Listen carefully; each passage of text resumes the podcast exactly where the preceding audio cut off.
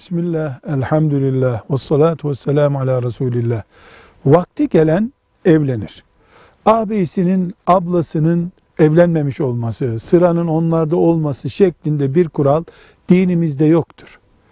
Kim karnı acıktıysa oturup yemek yiyebildiği gibi, kimin de evlenme vakti geldiyse ve bu da ciddi bir ihtiyaç olarak karşısına çıktıysa, bir filmden etkilendiği için, basit bir konuşmadan etkilendiği için evlenmek istiyorum demek bir ihtiyaç değildir.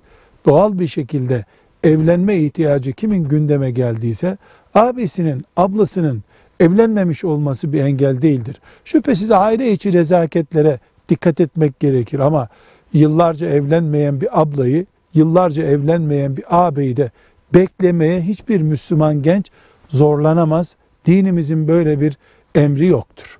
Velhamdülillahi Rabbil Alemin.